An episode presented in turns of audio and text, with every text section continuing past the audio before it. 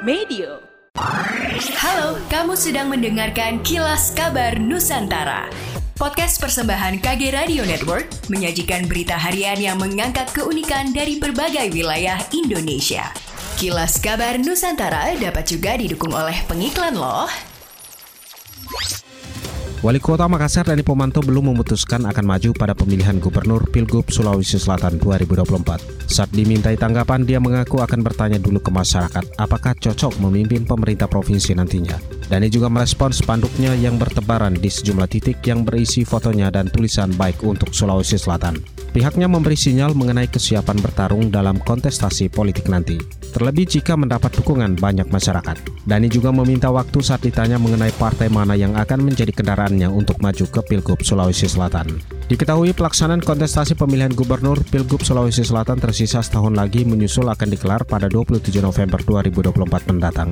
Sejumlah partai politik saat ini mulai mencari tokoh yang dianggap bisa memimpin pemerintah provinsi nantinya. Selain wali kota Makassar dan pemantau figur yang menguat, yaitu Bupati Goa Adnan Purita Iksan, Ilham Arif Sirajurin, dan wali kota Parepare Taufan Pawe. Sulawesi Utara berhasil mendapatkan predikat sebagai daerah layak anak. Atas pencapaian itu, Wakil Gubernur Sulawesi Utara Stephen Kando menyampaikan rasa bangganya atas kerja keras seluruh pihak. Selain rasa bangganya itu, Wagub juga turut merespons adanya 17 usulan dari Forum Anak Sulut yang dimaksudkan untuk menciptakan kondisi dan situasi yang menunjang Sulut sebagai daerah layak anak. Kando menyatakan terlepas dari 17 usulan itu, dirinya bersama gubernur juga mengusulkan menambahkan hal tambahan, yaitu pelaku kekerasan terhadap perempuan dan anak dapat dipenjarakan di Nusa Kambangan.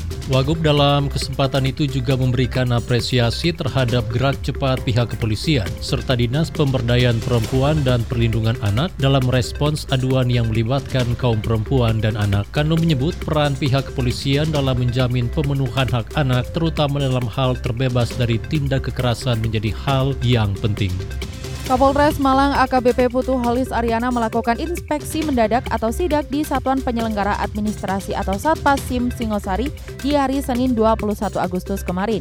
Sidak yang dilakukan sebagai bentuk mengantisipasi adanya praktik calo atau penyedia jasa pengurusan SIM ilegal yang mana tujuan kunjungan kali ini untuk mengecek secara langsung kualitas layanan yang diberikan. Selain itu juga untuk memastikan tidak adanya praktik calo atau pihak yang mencoba memanfaatkan masyarakat dalam mengurus SIM. Selama sidak, Holis mengecek seluruh ruangan pelayanan dan di antaranya adalah ruang uji teori, ruang tunggu, taman baca, hingga lintasan ujian praktik. Pada kesempatan ini, Holis juga berbincang kepada pemohon SIM dan ia menyampaikan agar pemohon melaporkan jika mengalami keluhan maupun masalah dalam mengurus SIM.